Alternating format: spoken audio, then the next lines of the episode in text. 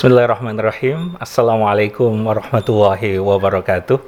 Innal hamdalillah nahmaduhu wa nasta'inuhu wa nastaghfiruh wa na'udzu billahi min syururi anfusina wa min sayyiati a'malina. May yahdihillahu fala mudhillalah wa may yudlil fala hadiyalah. Asyhadu an la ilaha illallah wa asyhadu anna Muhammadan abduhu wa rasuluh la nabiyya wa la rasula ba'dah. Rabbi israh li sadri wa yassir amri wa ahlul 'uqdatam min lisani yafqahu qawli. Pemirsa TVmu di mana pun Anda berada, kita kembali dalam acara Coffee Talk eh, on TV yang dipersembahkan oleh Muhammadiyah COVID-19 Command Center dan Lazismu. Dan Coffee Talk on TV ini adalah bincang-bincang santai seputar bagaimana dampak COVID-19 terhadap uh, permasalahan sosial, ekonomi, budaya, politik, dan sebagainya. Dan Sore hari ini saya Kifari Yuristiadi selaku host uh, telah dibersamai oleh dua ibu-ibu yang luar biasa dan beliau berdua uh, bergelut uh, dalam uh, bidang uh, pendidikan. Uh, yang pertama adalah Ibu Arianti Dina Puspita SSI MPD. Kayaknya saya lebih akrab panggil Mbak ini, iya. Mbak Arianti. Beliau adalah Sekretaris Umum uh, pimpinan Pusat Nasyatul Aisyah dan juga dosen pendidikan fisika Fakultas Keguruan Ilmu Pendidikan Universitas Ahmad Dahlan Yogyakarta. Dan yang kedua adalah Ibu Dr. Sarjila MPD. Beliau adalah Kepala Pusat Pengembangan dan Pemberdayaan Pendidik dan Tenaga Kependidikan Seni dan Budaya dan beliau adalah sekaligus anggota Majelis Pendidikan Kader Pimpinan Pusat Aisyah. Selamat sore, Assalamualaikum Ibu-ibu. Waalaikumsalam warahmatullahi wabarakatuh.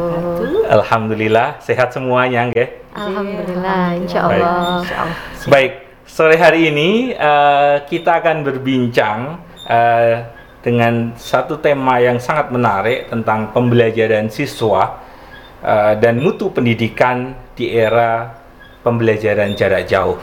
Dan kita tahu COVID-19 menghadirkan revolusi pendidikan yang lebih cepat dari yang kita bayangkan. Selama ini uh, banyak yang cukup awam dengan pendidikan jarak jauh.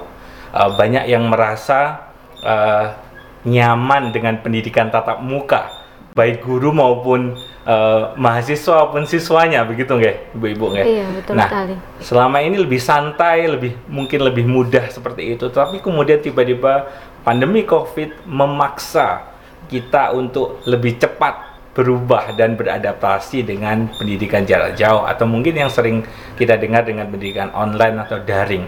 Nah, kira-kira uh, dari pengalaman uh, Mbak Arianti selaku uh, pendidik di uh, Universitas Ahmad Dahlan.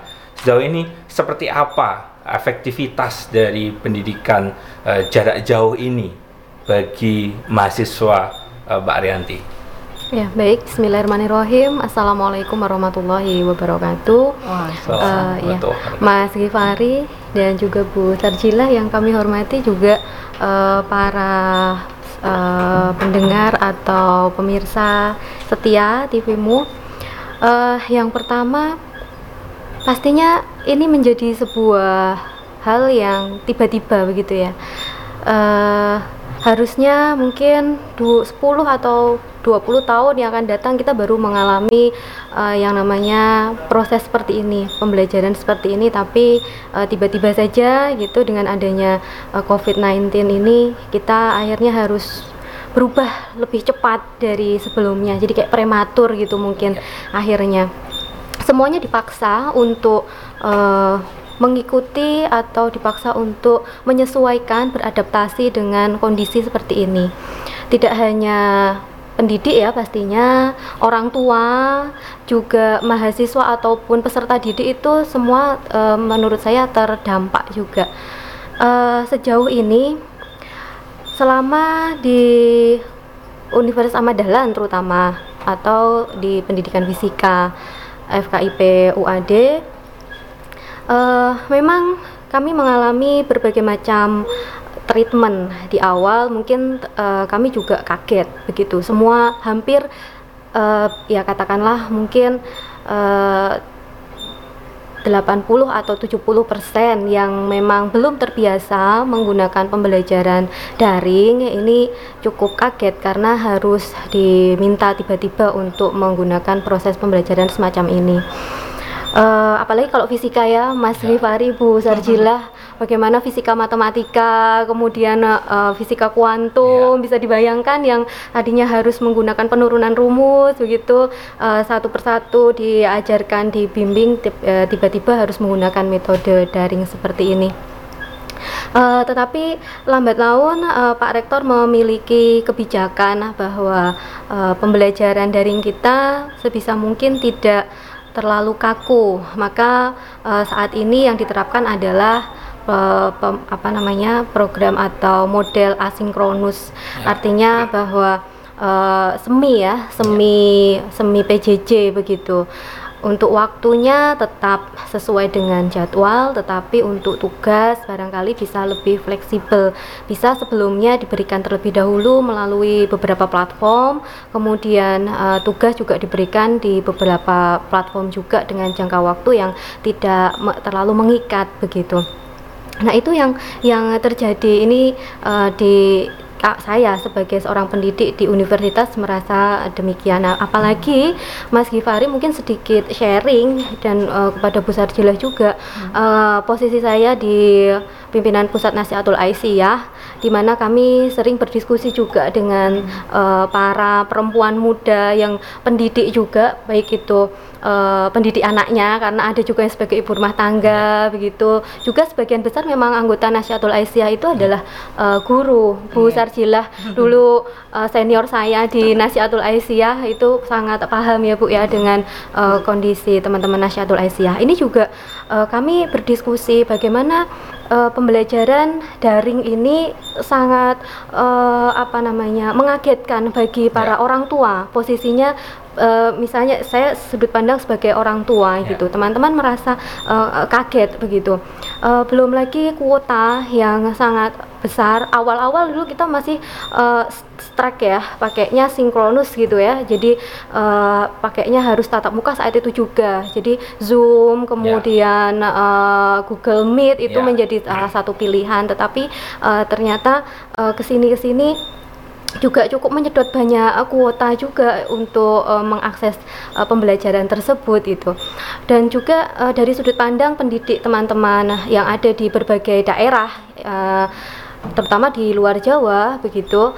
uh, beberapa tidak bisa atau kesulitan mengakses jaringan kuotanya terbatas kemudian tidak semua uh, murid mereka tidak semua peserta didik itu memiliki fasilitas uh, HP Android misalnya komputer di iya. rumahnya belum yeah. lagi orang tuanya mas orang tuanya juga uh, ada yang belum tercerahkan ya dengan hmm. atau belum berliterasi uh, teknologi begitu maka akhirnya yang terjadi adalah uh, ya mereka belajar sebisanya atau bahkan malah tidak ada tugas sama sekali begitu yeah. dan ini uh, apa namanya ada guru di uh, salah satu tempat di masih di Jawa di daerah Jawa Barat uh, guru biologi ini karena kesulitan untuk memakai cara apa apalagi kalau sains itu kan membutuhkan eksperimen begitu uh, nah ini uh, kebingungan membutuhkan cara seperti atau platform yang tepat seperti apa begitu untuk bisa mengakses itu akhirnya ya hanya diberikan tugas pada akhirnya uh, demikian Mas Gifari okay. dan Bu Baik.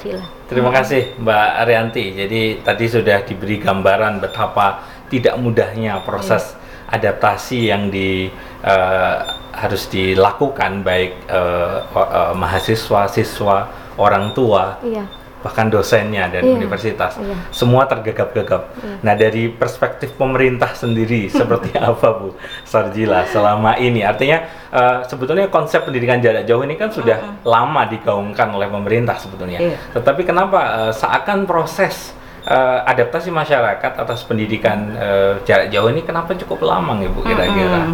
Oke. Okay. Uh, terima kasih. Assalamualaikum warahmatullahi wabarakatuh. Assalamualaikum warahmatullahi wabarakatuh. Terima kasih Mas Gib Fahri uh, Mbak Ari ya um, ya kebetulan saya uh, masuk di uh, jajaran di apa salah satu apa staf atau ah, salah satu staf di Kemdikbud yang saya ada di P4TK Seni dan Budaya ya. Saya diminta sebagai kepala di situ dan mengikuti uh, perkembangan ya perkembangan tentang model-model pembelajaran gitu. Kemudian juga apa yang harus dilakukan oleh seorang guru gitu. Nah uh, pembelajaran jarak jauh itu sebetulnya sudah diawali lama ya yeah. terutama kalau kita lihat di universitas terbuka yeah, betul. gitu Universitas terbuka iya, itu kan betul. sudah pakai iya. apa PJJ ya? Iya. iya. Sejak uh, lahir. Sejak lahir ya, memang sejak lahir itu sudah sudah uh, apa? Sudah memakai jarak jauh dan itu justru um, sangat berhasil gitu ya. Universitas terbuka memberikan kesempatan pendidikan bagi uh, para pendidik yang saat itu sudah apa? Um, mengajar tetapi dia bisa meningkatkan apa kualifikasi ya kualifikasi degree-nya ke jenjang apa S1 gitu ya S1 nah di sini uh, kelihatannya untuk kita siap mendadak seperti ini memang kita kita tergagap juga. Walaupun di model-model um, pembelajaran yang uh, PJJ ini sebetulnya sudah dikenalkan saat ada diklat-diklat yang diklat online. Hmm. Ya, di beberapa lembaga diklat gitu, lembaga diklat itu di P4TK P4TK sudah apa uh, sudah di, bukan dicobakan, sudah dimulai ya. Yeah. Uh, beberapa tahun silam dan uh, mungkin 10 tahun silam pengenalan terhadap diklat online itu sudah ada. Dan ini uh, sangat murah ya, ternyata sangat murah.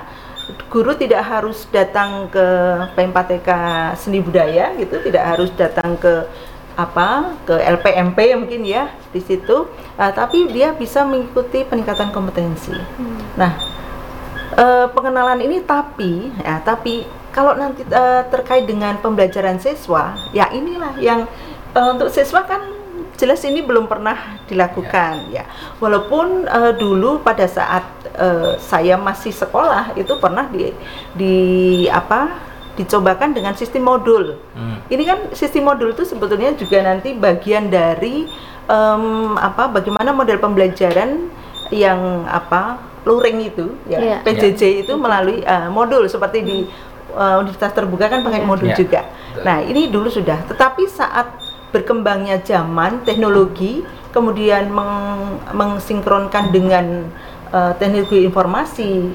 Nah, ini ya yang di apa di sekolah-sekolah itu apa belum dikembangkan walaupun ya walaupun paket-paket pembelajaran sudah dimulai di Kementerian Pendidikan dan Kebudayaan itu melalui uh, rumah belajar gitu ya, rumah belajar, belajar. ya oh ya app-nya itu bu ya ya, ya. rumah ya. belajar itu betul-betul uh, bisa menyediakan menyediakan konten-konten yang uh, diperlukan oleh para siswa gitu ya para siswa dan itu gratis lagi. Ya. Nah, ini kan uh, di kementerian sudah dan ini dikomandani oleh Pustekom dulu. Baik. Sekarang Pusdatin itu. Ah, cuman itu tadi kalau yang terus uh, pembelajaran uh, online yang seperti sekarang kita ini yang mungkin saat dulu-dulu belum ya. Baik. Oke. Okay. Nanti setelah break kita akan uh, ulas lebih oh. lanjut lagi uh, Bu Sadila dan Mbak Arianti uh, lebih khusus nanti tentang bagaimana seberapa pendidikan jarak jauh ini memiliki kualitas oh, yeah. ya yang cukup. Baik, mm -hmm. uh, kita akan kembali setelah pesan-pesan berikut ini.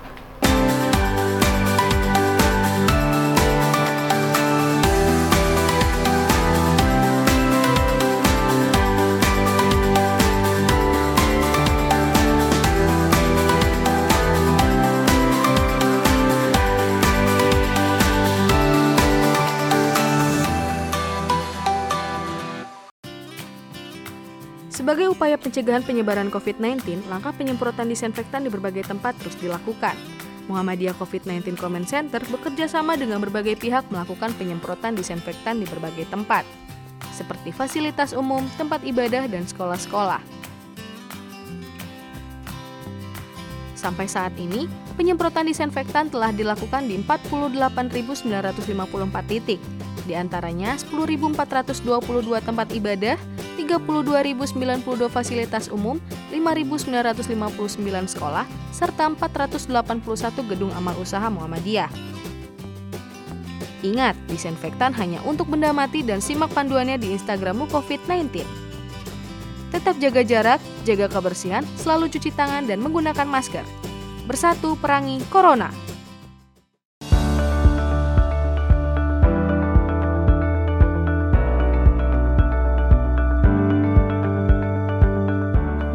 COVID-19 Comment Center memberikan informasi terupdate mengenai penanganan COVID-19 mulai dari pelayanan kesehatan, ketahanan pangan hingga pencegahan COVID-19 di masyarakat.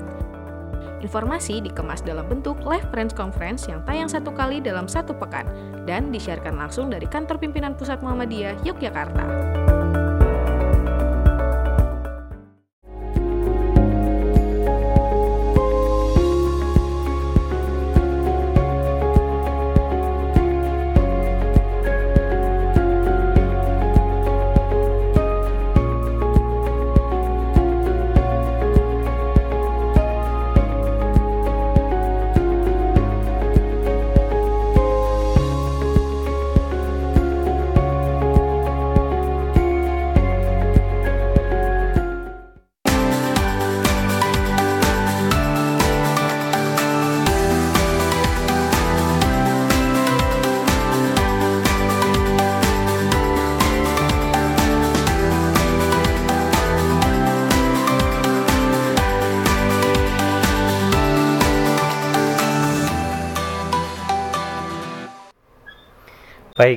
Pemirsa TVmu masih dalam Coffee Talk on TV uh, eh, bersama MCCC dan Lazismu.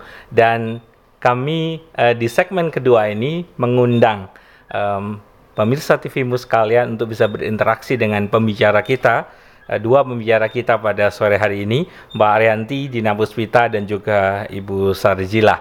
Dan kita uh, kembali berbincang kepada uh, beliau berdua dan tadi uh, kita sudah membincangkan di segmen pertama kesulitan uh, dan betapa gagapnya uh, kita semua atas pembelajaran uh, jarak jauh yang uh, harus dipercepat gitu kan. Mau tidak mau begitu.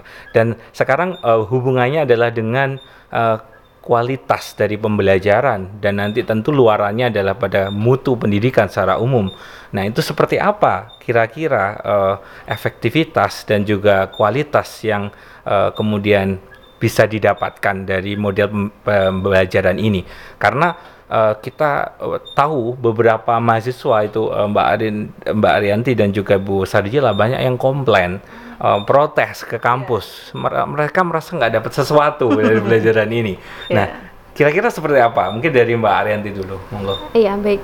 Uh, Mas Gifari dan Bu Sarjila mungkin kalau kita mengingat kembali tentang hakikat pendidikan itu sendiri ya bahwa sejatinya pendidikan itu adalah untuk mengembangkan membantu ya. peserta didik untuk mengembangkan potensinya uh, termasuk juga uh, keterampilan keterampilan yang dimiliki ya kemudian juga uh, apa namanya membantu untuk menjadikan peserta didik lebih baik begitu. Uh, sikapnya uh, attitude-nya ahlaknya mungkin ya begitu. Bahkan kalau Al Ghazali saja mengatakan bahwa pendidikan itu sejatinya uh, agar kita semua menjadi lebih dekat dengan yang maha kuasa begitu. Ya. Nah, uh, memang kondisi itu barangkali idealnya adalah kondisi di mana kita yang kemarin-kemarin yang normal begitu ya uh, tatap muka. Karena dengan begitu akan ada uh, atensi yang lebih dari pendidik kepada siswanya dan itu bisa lebih menyesuaikan dengan bakat kemudian dengan minatnya dengan eh, masing-masing uh, siswa itu kan memiliki uh, bawa apa namanya uh, ini ya apa istilahnya uh, mungkin bakat bawaan atau passion bawaan begitu. Uh, barangkali kalau misalnya dengan cara yang sekarang uh, dengan jarak jauh itu guru harus lebih memutar otak ya menurut ya. saya gitu harus lebih kreatif lagi bagaimana menjadikan siswa yang uh, kinestetik misalnya gaya belajarnya uh, bisa juga bisa tetap uh, mendapatkan ilmu pengetahuan ya. dari proses pembelajaran jarak jauh belum lagi yang uh, misalnya dia yang audio nah ini kan uh, macam-macam jenis uh, jenis apa namanya uh, intelijensianya juga kan berbeda-beda. Nah, itu Kayak maka belajar ya? betul iya, Kayak Mbak. belajar, Nah, menurut saya uh, perlu disiapkan mungkin dari entah pemerintah ya atau mungkin nanti kita di Muhammadiyah Majelis Dikdasmen Oh, Majelis mem- iya, Dasmen. mempersiapkan guru-guru betul guru-guru kita itu agar memiliki uh, learning tools mungkin begitu uh, untuk apa namanya uh, siap dengan pembelajaran uh, jarak jauh ini tanpa kemudian uh, meninggalkan uh, hakikat dari pendidikan ini tadi. Karena kalau kemudian uh, saya mengikuti beberapa webinar yang uh, diselenggarakan oleh berbagai macam institusi uh, dan juga ada dari Kemendikbud juga mengatakan bahwa posisi saat ini uh, uh, pendidikan kita atau pendidik itu masih pada uh, instruksional ya gitu. Tapi untuk ke konten dan juga evaluasinya itu mungkin belum begitu di bisa dikendalikan begitu. Nah ini perlu persiapan menurut saya uh, per- apa namanya penyiapan guru-guru agar uh, lebih apa namanya siap menghadapi kondisi seperti ini. Karena begini Mas Gifari uh, ada penelitian survei dari PGRI uh, kepada guru-guru di seluruh Indonesia dari 300 3.300 guru itu dinyatakan 90 pe- 19 persen 19 persen yang siap dengan pembelajaran uh, daring seperti ini. Seperlima saja. Iya betul. Nah ini kan Iya. Padahal di Kemendikbud atau uh, di LPM uh, maaf di LPP eh, di. P, P4TK. P4TK tadi P4TK. disampaikan juga sudah ada pembelajaran itu begitu Ya. pembelajaran daring dan seterusnya. Nah itu eh, dan menurut saya juga perlu di apa namanya eh, berikan wawasan juga kepada para pendidik bahwa kita tidak hanya bisa terpaku pada satu platform saja ketika melakukan sebuah proses pembelajaran daring. Kita bisa menggunakan beberapa platform, misalnya eh, untuk evaluasi menggunakan apa. Kemudian kalau misalnya kita akan melakukan eh, kontak apa namanya eh, diskusi, misalnya kita juga ada semisal mentimeter begitu ya. Jadi kita tetap ada eh, apa interaksi antara pendidik dengan peserta didik gitu ya memang ini masih semuanya dalam proses tapi menurut Ya. saya penting kiranya dari pemerintah mungkin dan juga dari eh, apa mungkin di Muhammadiyah sendiri Majelis Ya. Dasmen mempersiapkan hal-hal tersebut. Syukur-syukur kemudian permasalahan yang tadi itu eh, terkait dengan jaringan kurangnya fasilitas itu juga Ya. ada semacam polisai misalnya begitu kepala sekolah boleh untuk memberikan kebijakan misal begitu Bu Sarjila.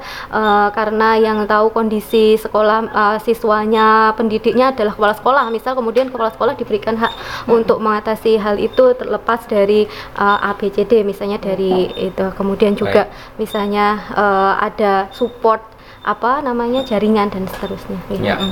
Nah, tadi anu Bu Sarjila, pemerintah di mention mention nih.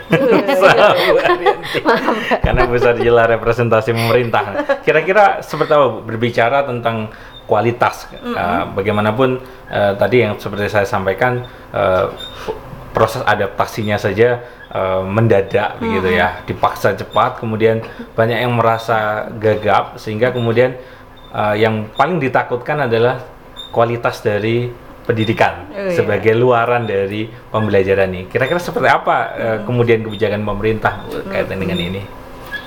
Ya, terima kasih ya. Kalau kita bicara tentang eh, mutu pendidikan ya, Nggih, di situasi seperti ini tuh udah kita nggak bisa dia lagi ya. nggih. Sepakat toh? Sudah nggak perlu berbicara mutu berarti. Bu. Artinya bukan berbicara mutu, mutu tetap ada. Iya, Tetapi eh, idealisme, idealisme Iya. itu yang misalnya kita terlalu memaksakan kan jelas nggak beda, Ya. Eh, nggak bisa gitu ya. Ka- situasinya udah beda. Kita itu dalam kondisi eh, teman eh, tadi saya sempat ngobrol-ngobrol juga dengan teman-teman.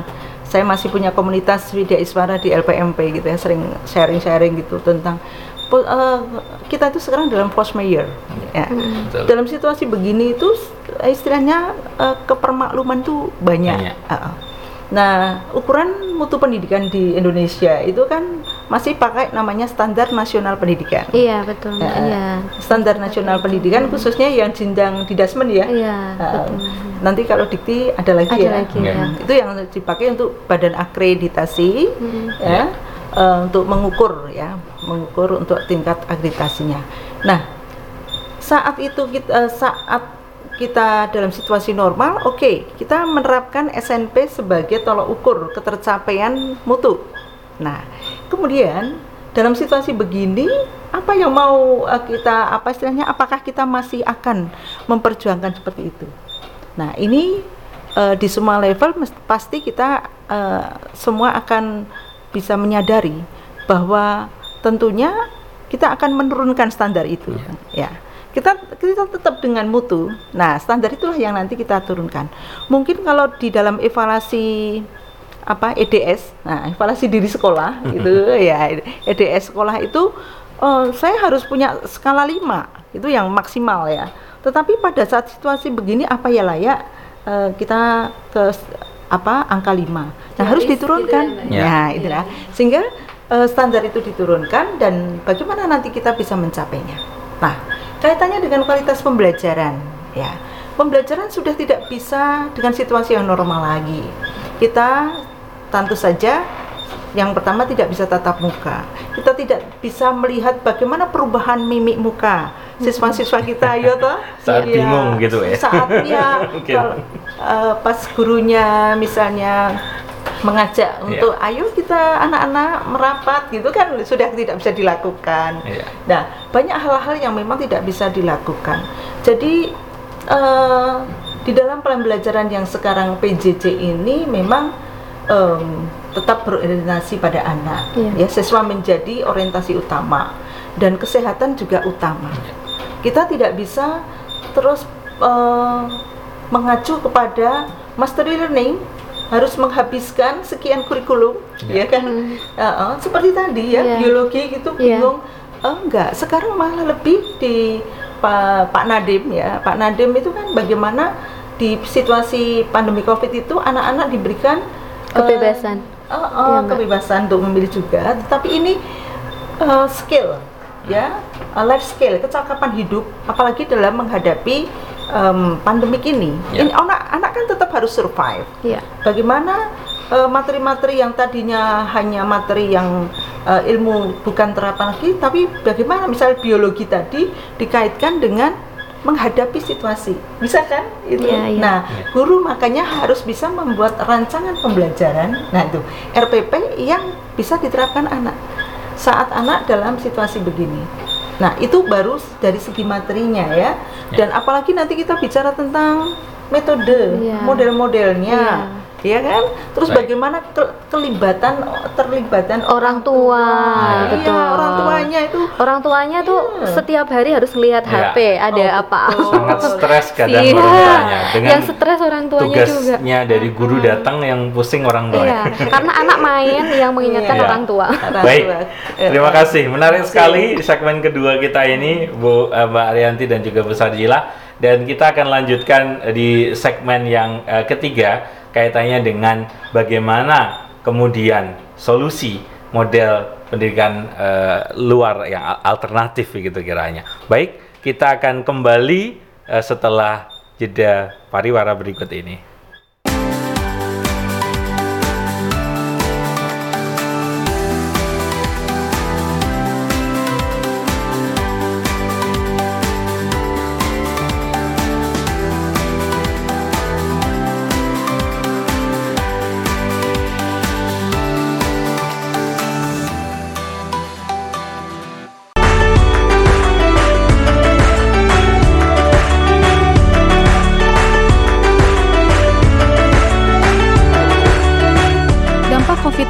Terasa jelas di sektor ekonomi, terutama kebutuhan pangan masyarakat.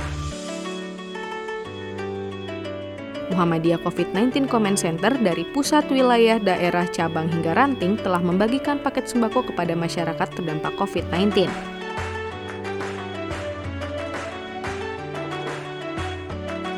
Muhammadiyah mentargetkan ada satu juta paket sembako hingga akhir tahun. Sampai saat ini, 397-317 paket sembako senilai lebih dari 39 miliar rupiah yang telah dibagikan kepada masyarakat di seluruh wilayah di Indonesia.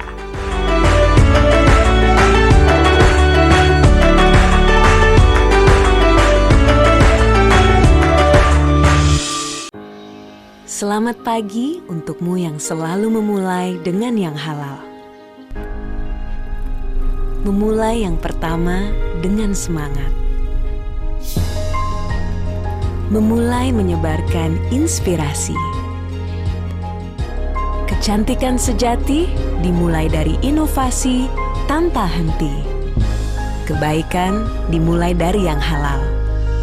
Wardah halal dari awal. Rumah sakit menjadi garda terdepan dalam penanggulangan COVID-19 dan dapat juga menjadi benteng terakhir. Maka dari itu, Rumah Sakit Muhammadiyah Aisyah siap menjadi rumah sakit yang melayani pasien COVID-19 dengan dukungan fasilitas yang optimal. Saat ini, telah ada 77 rumah sakit Muhammadiyah Aisyah yang membantu dalam penanganan COVID-19. Bahkan, tidak hanya itu, Muhammadiyah juga mewujudkan rumah sakit darurat untuk penanganan COVID-19 Ikhtiar ini sebagai wujud Muhammadiyah dalam membantu pemerintah memerangi COVID-19. Bersatu perangi Corona.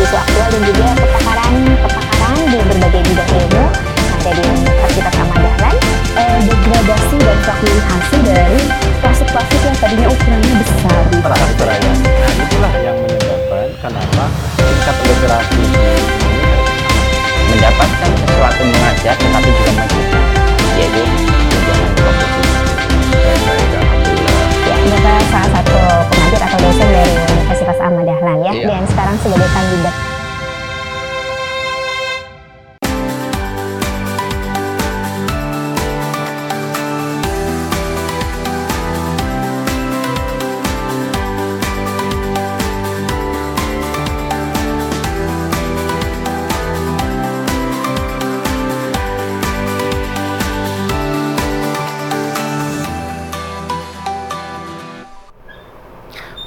pemirsa TVmu masih dalam COVID Talk on TV bersama MCCC dan Lazismu. Dan kita masih dibersamai oleh dua ibu kita Mbak Arianti Dina Puspita dan juga Ibu Sarjila. Dan kita masih membahas tentang uh, pembelajaran siswa dan mutu pendidikan di era pembelajaran jarak jauh. Dan kita berada di segmen yang ketiga uh, Mbak Arianti dan juga Bu Sarjila dan kita uh, membincangkan tentang bagaimana kemudian langkah ke depan kira-kira. Uh, tadi Bu Sarjila menyampaikan ini situasi force major ini situasi bencana yang tidak diduga. Kemudian kita tidak bukan berarti memang tidak lagi membincangkan kualitas mutu pendidikan tetapi uh, tentu uh, apa namanya itu kita coba capai tetapi tidak pada uh, standar yang maksimal. Mm-hmm. Nah, kira-kira kemudian ke depan seperti apa ini kira-kira yang bisa kemudian diambil langkah-langkah oleh institusi pendidikan maupun uh, mungkin di uh, Muhammadiyah sendiri berarti Majelis Ridaksmen ataupun uh, Dikti Litbang begitu ya untuk kemudian uh, meng, uh, apa namanya sebagai solusi pendidikan uh, pembelajaran jauh ini. Mungkin dari Mbak Arianti dulu, monggo. Iya baik, terima kasih. Uh, uh, yang pertama mungkin uh, saya akan membagi uh, menjadi beberapa nggih tadi Mas Gifari menyampaikan apa yang bisa dilakukan oleh Diktilikbang, ya. oleh uh, institusi bahkan mungkin ya. nanti oleh pemerintah juga ya, ya Bu ya atau juga oleh orang tua pastinya ya. begitu. Uh, menurut saya yang pertama uh, pada konteks pendidik terlebih dahulu uh, kita harus mau belajar lagi. Sebagai seorang pendidik pasti kita uh, mungkin ada ada saatnya kita merasa oh, sudah deh gitu. Hmm. udah udah cukup gitu. Nah dengan seperti ini mau tidak mau kita harus mau belajar lagi gitu. Terutama belajar tentang uh, teknologi dan uh, juga uh, kreatif belajar kreatif begitu. Bagaimana karena peserta didik kita ini kan sekarang eh, kritis-kritis ya Mbak Sarjilah Mas ya. Uh, ada beberapa apa sedikit saja sudah langsung ya uh, viral begitu. Nah ini uh, kita perlu kreatif kemudian ya harus mau belajar lagi. Kemudian uh, insan akademis yang ada di kampus misalnya uh, mencoba untuk melakukan kerjasama kerjasama dengan pendidik di sekolah misalnya yeah. untuk uh, apa namanya memberikan uh, pembelajaran uh, sharing yeah. begitu pembelajaran jarak jauh yang dilakukan di universitas seperti ini di sekolah bisa diterapkan atau tidak barangkali demikian uh, kemudian untuk lembaga misalnya menurut saya di dasmen atau misalnya ya di dasmen menurut saya perlu ya uh, bisa membuat semacam uh, apa kalau rumah belajar tadi kan sudah di Kemendikbud tapi di rumah belajar kan tidak ada materi-materi AIK Nah, misalnya betul. Muhammadiyah dan ini iya kan ruang gitu. kosong yang bisa iya, diisi Muhammadiyah. Iya, maksud iya betul Mas Gifari. Nah, itu menurut saya uh, penting kiranya karena jangan sampai nilai-nilai yang dilandaskan oleh Kiai Ahmad Dahlan bahwa pendidikan di Muhammadiyah ini harus memilih uh, mengutamakan pendidikan moral, akhlak ya. itu jadi hilang begitu.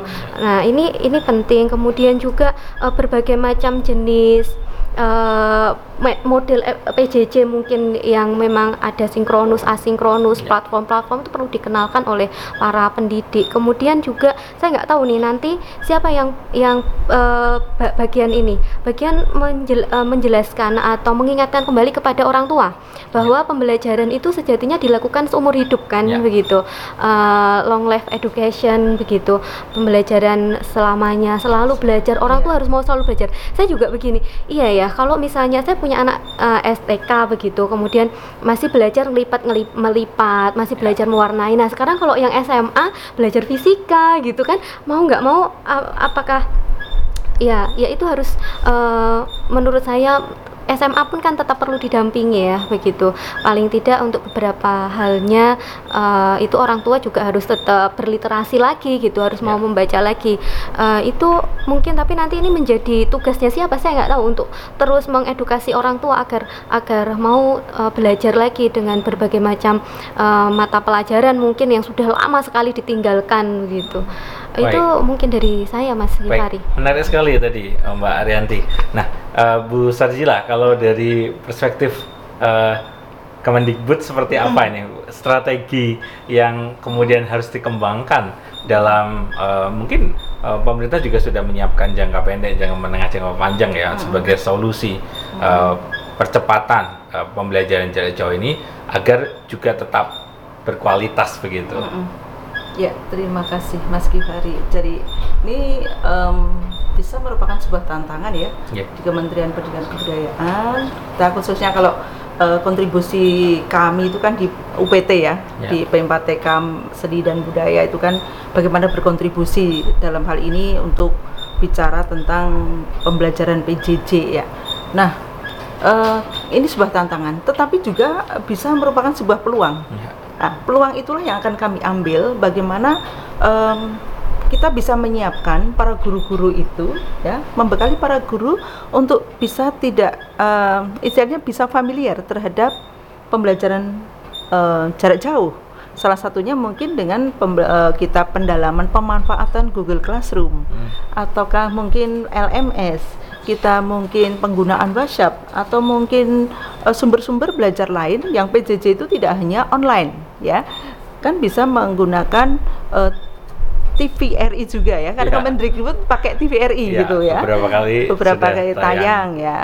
Kemudian juga uh, bagaimana nanti guru bisa mengemas ya? Mengemas juga uh, dalam bentuk lain yang itu tidak mesti harus uh, online seperti Vicon dan sebagainya. Nah inilah yang mesti harus di apa di dimiliki kompetensi ini oleh seorang guru. Nah di sisi itulah yang dari kementerian itu membekali ya terutama di Dijen GTK dan Dijen Vokasi ya ini ya. pembekalan guru. Nah, kemudian dari sisi lain bahwa uh, tetap uh, mengedepankan protokol Covid itu dalam ya. pembelajaran PJJ itu dan tetap menyiapkan anak anak secara psikologis harus kita siapkan. Tidak hanya kita ajak daring terus ya. gitu tanpa melihat seberapa uh, guru itu telah memberikan tugas-tugas ternyata tugasnya numpuk semua guru kasih kasih tugas iya. ya iya. artinya uh, tumpukan tugas itulah yang nanti menjadikan anak stres yeah. nah ini perlu ada sebuah pengelolaan manajemen tentang bagaimana eh, paket-paket pembelajaran itu yang anak itu tidak merasa terbebani. Nah, ini ya inilah yang mesti harus dikembangkan dan ini di di apa di Jen uh, guru dan tenaga kependidikan sudah sudah di apa sudah dikonsepkan tentang pembelajaran jarak jauh khususnya di masa pandemi ini. Jadi nanti mesti uh, ini nanti segerakah apa di di ada sosialisasi dan nanti kepada kepala sekolah untuk bisa memahami dan ya, khususnya terima kasih tadi ya kalau nanti di majelis hidasmen PWM dan uh, PWM Muhammadiyah DY ya nanti untuk mengembangkan seperti apa yang dimiliki Pusdatin Pustekom yeah. itu rumah belajar ya ini yeah. sebuah tantangan juga ini memang. Ya. uh, tiap tiap kali uh, menjadi bahan diskusi kami di Didasmen ya yeah. PWM tentang bagaimana kita nanti mengembangkan model-model pembelajaran yang cocok untuk uh, apa untuk sekolah para yeah. guru. Yeah. Nah, dan di sisi lain begini Mas, ada juga informasi kemarin kami kan juga di Pekan Pendidikan Jogja. Kemarin kan ada Pekan Pendidikan Jogja dalam rangka Hardiknas. Kemarin kami menghadirkan istilahnya di UPT-UPT DIY itu ya menghadirkan uh, Rektor UNY dan juga Pak Sekda DIY Aji hmm. Baskara. Iya. Nah, kontribusi pemerintah daerah sendiri luar biasa. Jadi untuk sumbangan apa uh, untuk untuk kota paket data itu juga disumbang dari dana bos, hmm. uh, dana bos dan dana bosda. Ini yeah. kan juga meringankan ya. Ini kota Jogja juga ya bu ya? Ah ya, yeah. daerah istimewa Yogyakarta, Jogja termasuk di dalamnya. Saya kemarin baca koran. oh nggih baca koran, ya. Jadi saat itu jadi menjadi uh, informasi yang sangat bermanfaat bagi kita semua. Ya, yeah. jadi uh, salah satu hal yang disiapkan memang guru harus siap berubah. Ya. Itu siap guru berubah dan Prof. Yanto mengatakan bahwa nah gitu kalau guru nggak siap berubah menjadi guru yang kadaluarsa. Hmm. guru kadaluarsa ya, itu kan guru yang out of date. Hmm. kalau pak makan kalau uh, kadaluarsa itu kan nggak enak. Dan bahkan bisa meracuni. Nah jangan sampai kita menjadi pendidik itu yang meracuni. Nah, inilah yang harus di diupdate terus. Guru harus siap ya. me, apa mengikuti perubahan-perubahan yang terjadi.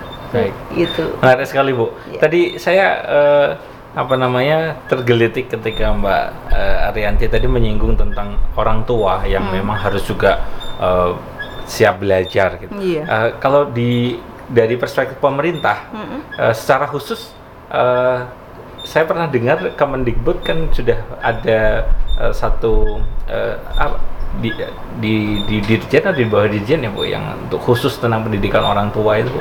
sahabat keluarga mungkin ya atau apa enggak, enggak. Dulu tuh aja ada yang direktorat pendidikan keluarga iya pendidikan keluarga ini S, uh, direktorat ya. Yeah. direktorat ini kan sudah mengalami perubahan-perubahan oh ya. sudah ada perubahan ya bu ya, ya. tapi uh, di apa pembahasan di di direktorat, di Dijen Guru yeah. dan Tenaga Kependidikan dan di Dijen Vokasi itu bahwa dalam pembelajaran daring itu tetap direkomendasikan sekolah harus melakukan komunikasi dengan orang tua. Ya, nah, baik. inilah yang terpenting. Nanti kita ulas lagi terkait uh -huh. ini, oh, Sarjila dan Mbak iya. Arianti. Kita akan uh, simak pariwara berikut ini.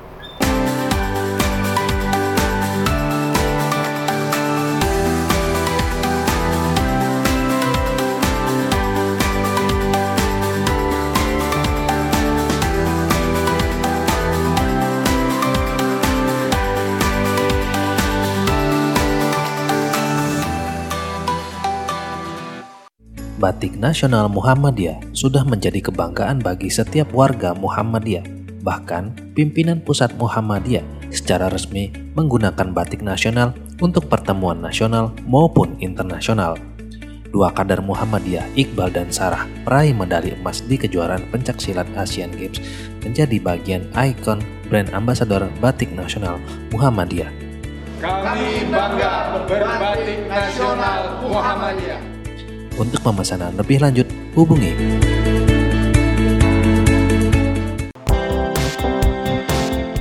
Muhammadiyah COVID-19 Comment Center telah membagikan ribuan masker kepada masyarakat di berbagai wilayah di Indonesia sebagai salah satu upaya untuk mencegah penyebaran COVID-19 di masyarakat.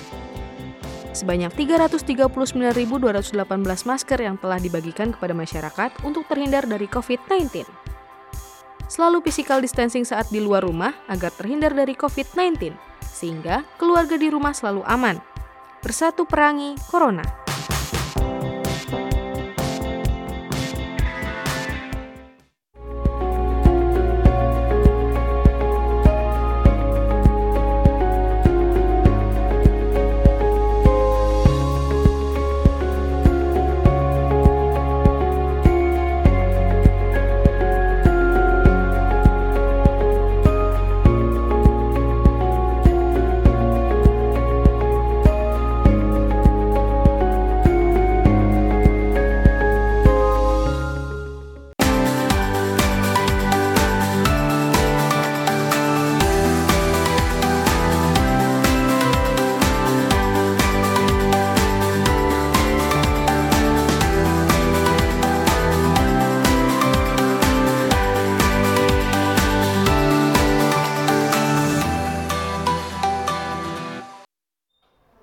Pemirsa TVmu masih dalam uh, age, uh, segmen keempat dari Coffee Talk on TV uh, bersama MC Sisi dan Lazismu dan kita bersama Mbak Arianti, Dina Puspita dan juga Ibu uh, Sarjila.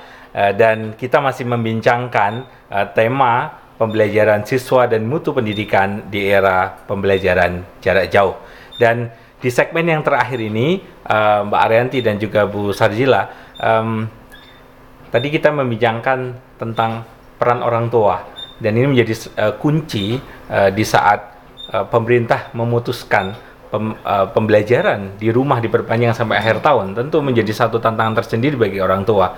Nah, kira-kira seperti apa ini Mbak Arianti? Apa yang harus kemudian orang tua persiapkan dan dengan segala tantangan yang ada? Iya, mungkin uh, di segmen sebelumnya saya juga sudah yeah. sedikit mengupas atau bagaimana kemudian perlu diingatkan kembali kepada orang tua bahwa atau kepada semua ya bahwa uh, pendidikan itu long life education, Betul. akhirnya per, sepanjang hayat begitu Betul. harus mau uh, mendampingi dan mau belajar lagi minimal begitu. Atau tetangga saya sampai ada yang vertigo mas. Gara-gara cuma dampingin anaknya ya belajar itu. Yeah, sampai yeah, ada yang yeah. vertigonya kambuh gitu. Kasihan banget kan gitu. Yeah. padahal sama-sama habis punya baby juga menyusui juga. Ya uh, nah ini kesiapan orang tua itu juga uh, menurut saya dari sekolah mungkin ya harus ada semacam uh, apa parenting begitu untuk orang tua menghadapi uh, pembelajaran yang seperti ini menyiapkan psikologis orang tua kemudian bagaimana orang tua tetap bisa uh, mendampingi anak untuk uh, mengasah potensi-potensinya, uh, keterampilan dan uh, segalanya tadi itu yang menjadi apa namanya aspek-aspek dalam pendidikan tadi, Mas.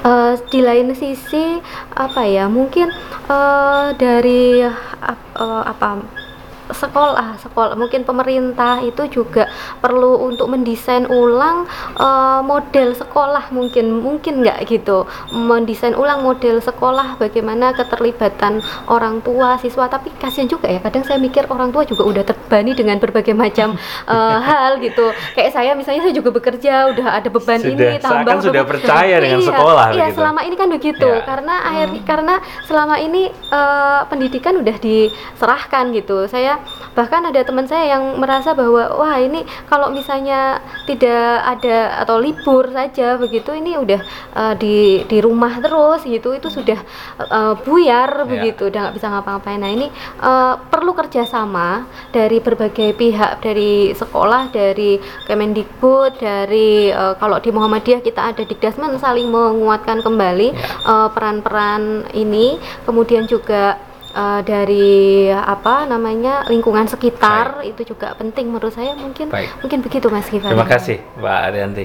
Kalau perspektif dari pemerintah seperti apa ini Bu? Kira-kira hmm. yang harus yang pemerintah akan siapkan lebih khusus untuk orang tua karena juga ini uh, tantangan tersendiri enam uh, bulan ke depan yeah. ini orang tua harus uh, ekstra apalagi sebagian sudah masuk kerja. Hmm. Nah, kemudian sekolah juga belum betul-betul berfungsi hmm. uh, optimal. Nah, kira-kira seperti apa bisa dijelaskan? Okay. Terima kasih ya. Ini semakin menggelitik juga nih pertanyaannya. Dan ya, um, kita ingat ya saat dulu kita belajar tentang asal usul tentang pendidikan di Indonesia itu ya sejarah pendidikan yeah. Uh, kita punya tokoh pendidikan Ki Hajar Dewantoro itu dari Jogja ya um, beliau kan memperkenalkan yang namanya Tripusat Pendidikan yeah. nah Tripusat Pendidikan itu kan pada prinsipnya uh, pendidikan itu akan berhasil manakala ada sinergi di antara tiga pusat itu. Tiga pusat itu apa saja? Yang pertama adalah keluarga. Ya. Nah, ini kan uh, madrasah pertama. Iya. Ya, ini tidak bisa di mengelak lagi. Wah, ya, iya. madrasah Nah, keluarga. Nah, keluarga. Yang kedua adalah sekolah. Dan ketiga masyarakat.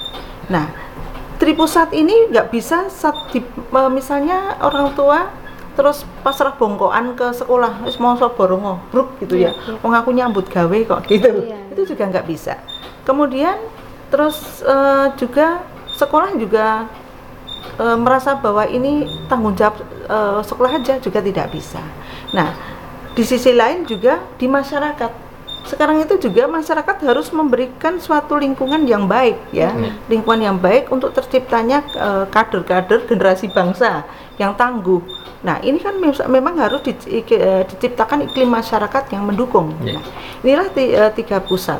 Nah, oleh karena itu berpijak dari itu, maka uh, beberapa perbincangan yang ada di kementerian, di webinar dan sering saya juga uh, mengikuti ini bahwa tetap uh, sekolah ya, sekolah sebagai kepanjangan tangan uh, kepanjangan tangan dari uh, institusi pemerintah baik itu pemerintah pusat maupun daerah um, harus melakukan kerjasama komunikasi dengan orang tua hmm. apa pun di perkembangan terhadap siswa itu harus selalu dilaporkan hmm.